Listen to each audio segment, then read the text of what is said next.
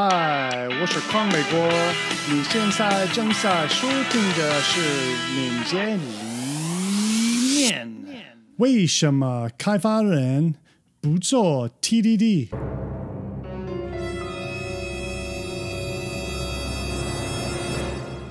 老实说，做 TDD 并不难。尽管如果你听一位高级开发人员向他的管理层抱怨，为什么他们不能在他们的软件上做 TDD，你可能会认为你需要一支天才团队才可以成功。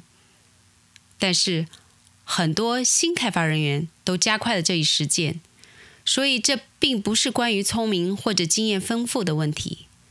开发人员不采用 TDD 的原因是多种多样的。我们将在即将播出的剧集中探讨常见的问题。下面有请 Vanilla Pop。如果我们在编写代码时添加测试，我们就会捕获开发人员的意图。接下来有请 Junior Joe。你能相信我有五次单元测试吗？接下来是 Cody Dog。你什么？你是说写测试？当你构建代码的时候？你的意思是在构建代码之后，并且只有在 Spring 结束之前还有一些时间？Big Picture Architect。我不想只测试代码，我想测试系统。下面有请 Host 的 PO。